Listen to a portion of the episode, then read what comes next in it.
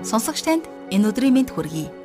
Библийн хуудасаар радио хичээлийн өнөөдрийн дугаар эхэлж байна. Өнөөдрийн хичээлээр бид Исаакийн том хүү Исавийн удмын түүхийг хамтдаа үзэх болно. Өнгөрсөн бүх хугацаанд бид Исаакийн баг хүү Яаковын талаар үзсэн бол өнөөдөр хамтдаа Исав болон түүний өр удмаас хэрхэн Едом үндэстэн үүсэн бий болсныг хамтдаа үзэх болно. Бурхан Авраамийн үр удмыг агуу үндэстэн болгоно гэж юрөөсөн шүү дээ. Тэгвэл Исав Авраамийн ач Исаакийн хүү учраас энэ юрөөлтэй хамаатай гэж ойлгож болно. Ах トゥ хоёрыг нэгэн ихийн хөвлөд байхад л бурхан ахан дүүдээ үйлчилнэ гэж айлдсан байдаг шүү дээ. Тэгвэл жухам яагаад Исав бурханд гологдож Яаков бурхны таалалд нийцсэн болоо? Энэ бүлэг биднийг Исавийн талаар илүү дэлгэрэнгүй мэдэж авахд туслах болно. Харин хэрвээ танд хичээлтэй холбоотой ямар нэгэн асууж лавлах зүйл байвал нэвтрүүлгийн дараа хэлэх имэйл хаягаар хандан бидэнд загтал өчээрэй. Харин одоо хичээлээ эхлүүлэхээс өмнө Бурханд хандаж залбирцгаая. Бурхан минь, танд бүх зүйлийн төлөө онцгойлон талархлыг өргөе. Та бидэнд энэ өдрийг өгч, энэ өдөр таны үгнээс суралцах боломжийг олгосон. Та биднийг ивэж, энэ өдөр бидэнд өөрийн үгийг ойлгох мэрэгэн ухаан, тэр сүнслэг өдрөмжөө харамгүйгээр өгөөрэй. Та биднийг ивэж, энэ өдөр бидэнд өөрийн үгийг ойлгох мэрэгэн ухаан, сүнслэг өдрөмжөө харамгүй өгөөрэй Бид танд энэ цагийг өргөж Есүс Христийн нэрээр залбирлаа. Амен. За тэгэхээр энэ бүлэг бүхэлдээ Исавын гэр бүл хэрхэн Едом үндэстэн болж өргөдсөн тухай өгүүлдэг юм. Ихэнх уншигчдын хувьд энэ түүх за тийм сонирхолтой биш байж болох юм аа. Харин энэ нэрсийг судалж за тэгээд эдгээрээс ямар ямар улс үндэстэн бий болсныг мэдхийг хүсэж байгаа хүний хувьд бол нилээд сонирхолтой байж магадгүй. За тэгээд энд дурддагдж байгаа зарим нэгэн нэрсийг та өнөөгийн Арабын цөлдөх улс орнуудад за одоо ч гэсэн сонсох боломжтой. За майхан хийгч Омар эднийх. За бас тэгээд Тиман, Зефо, Киназ за Коронорч гэсэн адилхан. За тэд нар бүгд Исавын гэр бүлийнхэн. За тэгээд тэд нар одоо ч гэсэн тэндээ амьдарсаар байгаа.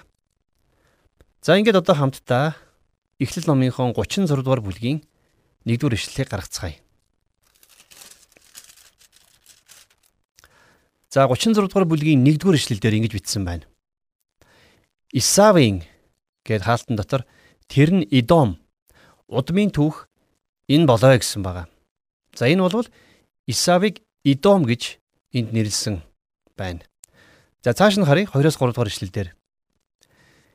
Исав Канаан охтоос хид хүн Илоны охин Ада, Хиви хүн Зибионы ач охин Анагийн охин Охолибамаг өөрийн эхнэр болгон авч. За 3 дугаар ишлэлдэр бас Ишмаилийн охин Нибаотын дүү Басиматыг авчээ гэсэн байна. За Исав хоёр Канаан эмэгтэй. За тэгээд бас нэг Ишмаил эмэгтэйтэй гэрэлсэн тухай бид нар өмнө нь ярьж байсныг та санаж байгаа бах. За 6-аас 7 дугаар ишлэгийг харах юм бол Исав эхнэр хүүхдүүд гэрийн бүх хүмүүсээ өөрийн тижээмэл хийгээд бусад бүх амьтад Кананаас олж хөлжсөн хамаг ид хөрөнгөө аваад дүү Яаковаас салж өөр нэгэн газар руу оджээ. Тэр хоёрын ид хөрөн үлэмжих болсон тул хамтдаа амьдран сууж чадахгүй төрөв. Тэдний сууж байсан нутаг нь өөрсдийнх нь мал сүргээс болж тэдэнд хүрлцэхгүй болжээ гэсэн байна. За тэгэхээр санаж байгаа бох та Авраам Лот хоёрт ч гэсэн яг энэнтэй ижилхэн асуудал үүсч байсан. За тэд нэр маш их мал сүрэгтэй болоод за тэгээд мал сүрэгт нь хангалттай хүрлцэх бэлчээр байхгүй болж эхэлсэн. За тийм учраас тэд нэр салж нүүсэн. А гэтэл харин одоо Исав санхүүгийн нөхцөл байдлаас болоод амлагдсан газрыг орхин нүүж байна. За тэгээд цааш 8 дугаар ишлэлийг харцгаая. 8 дугаар ишлэл. Исав буюу Идом нь Сейрийн уулархаг нутагт амьдрах болвоо гэсэн байна. За ингээд Исав Яаковыг Падан Арамаас буцаж ирэх үед за энэ нь та бүхэн санаж байгаах Эхлэл номын 32-ын 3 дээр гардаг штеп. Падан Арам. За тэгээд Яаковыг Падан Арамаас буцаж ирэх тэр үед амьдарч байсан Канааны Сейрэс нүүж за Сейрийн уулрах нутагт амьдран тэнд суурш болсон байна. Тэгэхээр Исавын гэрийнхэн сүнсэн тэнгисийн зүүн болон баруун өмнөд хэсэгт орших Идомд сурсан. За энэ бол тэр чигээрээ маш их уулархаг нутаг байдаг. За тэнд Идомын нийслэл хад чулууг засаж барьсан Петра гэдэг нэртэй хот өнөөдөр ч гэсэн байдаг. За Исая, Иремия, Изекиэл, Обидая номд гардаг Идомын талаарх зөвнөл иш үзүүлгүүдийг харах юм бол тэр бүх иш үзүүлгүүд үнэхээр гайхамшигтай биелсэн байдгийг. За 12 дугаар ишлэгийг харъя. Исавийн хүү Илифазын татвар эм Тимнан Амалекийг Илифазд төрүүлж өгчээ. Эдгээр нь Исавийн эхнэр Адагийн хөвгүүд болоо. За энэ бол Амалек гэдэг үндэстнүүдийн эхлэл болсон юм. За цүлд амьдарч байсан энэ овгийнхан бол олон зууны туршид янз бүрийн газар руу нүүдлэж за тэгээд ихэнх нь хойд Африкт нутаглах болсон. Тэгэхээр Арабын бүх овгууд бол Авраамаас гаралтай байсан. За Египт эмэгтэй Хагар за мөн Сараг нас барсны дараа Авраамын гэрэлсэн Китурагаас төрсэн хүүхдүүдийнх нь үр удам болсон юм. За тэгээд түүнчлэн бас энэ овгууд хоорондоо гэрэлдэг байсан. Өөрөөр хэлэх юм бол тэд нар Израильчуудтай нэг гэр бүлээ гэсэн үг. Харамсалтай нь араб хүмүүс болон Израиль хүмүүс өнөөдөр ч гэсэн бие биенээ ах トゥ ус гэж хүлээн зөвшөөрч чаддгүй юм. За тиймээс энэ бүлэг тэднийг хоорондоо хамаатай гэдгийг харуулж өгдөг чухал бүлэг байгаа юм. Бурхны сүнс энэ талаар бидэнд өгүүлэхийн тулд за Эхлэл номын зохиогчийг ашигласан байхаа гэж би бодож байгаа. За энэ бүлэгт бол бас өөр нэгэн сонирхолтой онцлог зүйлсийг бас харж болно. За 36 дугаар бүлгийн 15 дугаар ишлэгийг гаргаарай. Исавийн үр удмын дунд ахлагчт нь гэвэл Исавийн ууган хүү Элифазийн үр удам болох ахлагч Тиман ахлагч Омар, ахлагч Зефо, ахлагч Киназ гэсэн байна. За энд гарч байгаа ахлагч нар буюу за язгууртан гэсэн үгнээс нь харах юм бол энэ үеэс эхлэн язгууртны анги давхраг үүсэж за тэгээд тэд нар ахлагч гэсэн энэ цол хэрэгмийг хэрэгэлдэг болсон. За ингэж Исавын гэр бүл дотор бол анхны язгууртны давхраг бий болсон байна. За 19 дэх ишлэлийг харах юм бол Эдгээр нь Исав буюу Идомын хөвгүүд бөгөөд тэдний ахлагч нар болоо. За ингэж язгууртнууд бий болсон байна. За монголчууд бид нар ч гэсэн бас гарал үүсэл овог язгуураа ярихаараа л бүгд л боржхон овогтой хааны удмын хүмүүс болчихдог шүү дээ. За тэгвэл ямар тач гисэн Исавын гэр бүлээс нилээд олон тооны язгууртнууд төрөн гарсан байна гэсэн үг. За 31-р ишлэлийг харцгаая. Израилийн хөвгүүдийг захирах хаан гарч ирэхээс өмнө Идомын газар нутгийг захирсан хаад нь эдгээр болноо. За тэгэхээр нэг зүйлийг ойлгох хэрэгтэй. Бурхан өөрийнхөө ард түмнийг хаантай болгохоор төлөвлөөгүй. А гэтэл энэ бол Идомын амьдралын хэв маяг. За тэгээд тэд нар өөрсдийгөө захирах хаад ахлагч нартай байсан байна. Хэрвээ та Исавийн гэр бүлийн хүн байсан бол танд ямар нэгэн хэрэгэм зэрэг цол гуншин заавал байх хэрэгтэй болно. Учир нь яагаад гэвэл Тэд нар иймэрхүү төрлийн хүмүүс байсан. Израильчуудыг хаантай болохоос бүр өмнө Идомчууд хаантай болчихсон байсан нь их сонирхолтой. А гэхдээ хожим Израилийн ард түмэн Самуэлд хандан бусад улсуудын адил биднийг захирах хааныг бидэнд томилж өгөөч ээ гэж хэлсэн байдаг. За тэд нар өмнөд хэсэгт байгаа бидний ах トゥ болох Идомчууд хаадтай байна. Тэгэхээр бид ч гэсэн тэдэртэй адилхан хаантай болмоор байна гэж хэлсэн ч байж болох юм. За цааш нь 40-оос 43 дугаар ишлэгийг харцгаая. Исаваас уламжилсан ахлагчдын нэрс нь тэдний ургууд нутгийн байршил нэрийн дагуу эднэр болно. Ахлагч Тимна, ахлагч Алва, ахлагч Етет, ахлагч Охолибама, ахлагч Эла, ахлагч Пинон, ахлагч Киназ, ахлагч Тиман, ахлагч Мибзар, ахлагч Магдиэл, ахлагч Ирам нар болоо. Эднэр нь суудаг орон гэр өөрийн эзэмшсэн газар нутгийн дагуу Идомын ахлагчид юм. Идомчуудын өвгөн нь Исав билээ гэсэн байна. За энэ бол бурханд гологдож үлдсэн нэгэн гэр бүлийн угийн бичиг байлаа. За тэдний гэр бүлийнхнийг дурдахдаа Исавын овгоос гарсан ахлагч нарыг нь энд дурд нь нэрлсэн байна. Тэгэхээр Идом үндэстэн Исаваас гаралтай байх нь. Идомын эцэг нь Исав гэдгийг энэ бүлэгт 3 ч удаа маш тодорхой хэлж. За үнэн дээр энэ хоёр нэр ижилхэн утгатай. За тэгвэл Исав, Идом гэдэг хоёр нэр юугаараа ялгаатай вэ? За аавынхаа герт амьдарч байсан залуу хөвгүүн Исавын тухай Эхлэл номонд анх дурдсан байдаг. За тэрээр хээр хөдөө явж ан гөрөө хийх дуртай. За бие ялдар сайтай. Ширүүн дөрвөн төрхтэй хөвгүүн байсан. За гаднах байдлаараа болвол сэтгэл татам үнэхээр сайхан залуу байсан.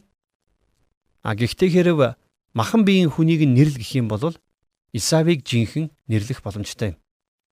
За хэрвээ та Исавын цаг үед амьдарч байсан залуухан сайхан эмэгтэй байсан бол түүний байр байдлыг за бас гэр бүлийг нь хараад баяртайгаар үерхэх байсан баг. Тэр үнэхээр сайхан ч залуу байсан. А гэхдээ Исав зөвхөн махан биеийн хүн байсан. Бурхан Исавын оронд яагаад Яаковыг сонгох болвоо гэж олон хүмүүс гайхдаг. Гаднах төрхөөрөө бол Исав үнэхээр сайхан залуу байсан. Тэгвэл бурхан алдаа гаргасан гэсэн үг үү? Обдие номдох богинохон зөвнөлийг харах юм бол Исавын талаар илүү сайн ойлгон мэдэж авч болно. Нэг бяцхан Исав ойролцоогоор 100 мянган Идомчууд болсон. Тэдний хүн нэг бүр нь бяцхан Исав гэсэн. Тэгэхээр одоо энэ үндэстнийг харах юм бол Исаваас ямар хүмүүс гарч ирснийг мэдэж болно. За өөрөөр хэлэх юм бол Исавыг микроскопын дурандор тавиад томруулж харж байгаатай яг адилхан. За ингэвэл бид нар юу болж харах болоо? Тэгэхээр бид нар юу болж харах вэ гэвэл бардамнал ихэрхлэр дүүрсэн үндэстнийг олж харах болно. Бурхан Идомд хандан за Обидэ номын 1-р бүлгийн 3-аас 4-р эшлэлдэр хадны ан цав болон өөрийн орших газрын өндөрлөгт амьдардаг чамайг зүрхний чинь ихэрхэл хуурчээ. Чи зүрхэндээ хэн намайг газарт буулгах вэ гэдэг. Чи бүргэд мэт өндөрт барьж оддын дунд үүрээ зассан ч тэндээс би чамайг доош буулгана хэмээн эзэн тунхаглаж байна гэж бичсэн байна. Тэгэхээр юу болсон гэхлээр тэд нар зүрхэндээ ихэрхэж бид нар бурхангүйгээр амьдрч чаднаа гэж бардамнаад бурхан ямар ч хэрэггүй түүнээс ангид байж чаднаа гэж өөрийнхөө амьдралаараа тунх гэлж байсан байна. За энэ бол жинхэнэ Исавын мөн чанар байсан. За нөгөөтэйгөр хэрвээ антрополог буюу за хүн судлалынх нь за тэгээд этнолог буюу угсаат нь судлал судалдаг хүмүүсийн хувьд бол энэ бүлэг маш сонирхолтой бүлэг байгаа юм. За нэгэн гэр бүлийн түүхийг өгүүлж байгаа энэ бүлэг бол өөр янз бүрийн их сурвалжуудаас илүү их мэдээллийг биднэрт өгөх боломжтой. За тэгэхээр Эхлэл номын энэ бүлэг буюу 36 дугаар бүлэг Ахлагч нар болон тэдний эзэмшдэг газар нутгийнхаа дагуу Идомих гэдгийг нь дурдаад өндөрлөж байгаа. Тэгэхээр Идомчуудын өвгөн Исав билээ гэж энэ бүлэг дуусч байна. За хуучин гэрээний номнууд болох Обадия, Малахи номууд дахь иш үзүүлгүүдэд бас Идомчуудын тухай өгүүлсэн байдаг. За тийм ч учраас энэ бол бид зүгээр өнгөрөөд явчихж болохооргүй маш чухал бүлэг байлаа.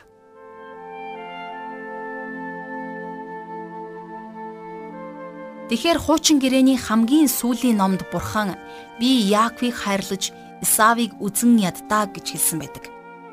Тэгэхээр эдгээр ирчүүдийн амьдарч байсан үеэс мянга гаруй жилийн дараа Бурхан гинтхэн ингэж айлцсан юм биш. Харин Бурхан бүр эхнээс нь Исавийн зүрх сэтгэлийг мэдэж байсан юм. Харин өнөөгийн энэ өнцгөөс бидний амьдралын түүхийг эргээд харвал Бурханы айлтсан бүхэн үнэн байсан гэдгийг бид олж харах болно. Исав гаднаа сайхан залуу байсан ч дотроо бардамлаар дүүрэн нэгэн байсан юм. Махан биеийн хүслээр амьдарч сүнслэг зүйлийг үл оошоодог сүсэггүй хүн байсан гэдгийг Библи ийхүү гэрчилдэг. Исавийн зүрх сэтгэлд юу байсныг Бурхан мэдэж байсан. Бурхан өнөөдөр ч гэсэн бидний зүрх сэтгэлийг мэддэг. Бидний зүрх сэтгэлийн гүнд Бурханд биш харин өөртөө найдсан тэрхүү бардам чанарууд байгаа эсхийг ч Бурхан мэддэг, нэвт шувт хардаг юм гаднаа сайхан ч дотроо ямар ямар асуудал тээж явж байгааг бурхан мэддэг гэсэн үг. Таны зүрх сэтгэлийн гүнд Исав шиг бардамнал ихэрхэл байгаа юм биш үү? Энэ талаар хамтдаа бодцгоё. Хэрвээ байгаа бол хамтдаа эзний өмнө гимшиж түүний сүнслэг хүч чадлаар хамтдаа өөрчлөгдцгоё. Бурхан минь Бидний зүрх сэтгэлд байгаа гим нүгэл бардамлыг та уучлан өршөөгөөч. Бид гаднаа Исав шиг сайхан харагдаж байгаа боловч хэрвээ бидний зүрх сэтгэл Исавын шиг таны өмнө ихэрхэг бардам сэхүүн байгаа бол та бидний зүрх сэтгэлийг, бидний санаа бодлыг өөрчлөн өгөөрэй. Бидний зүрх сэтгэлд та хурж, та зөөлдөж, та үржил шимтээ тэрл хүрс лугаа адил болгож өгөөрэй. Таны хүслийн дагуу махан биеийн биш харин таны сүнсний таны сүнсээр амьдрах тэрхүү хүсэл мөрөөдөл ирмэлцлэр та бидний зүрх сэтгэлийг тэнхрүүлэн босгож өгөөрэй. Эзэн минь бүхий зүйлээ тань даатгаж Есүс Христийн нэрээр залбирлаа. Амен.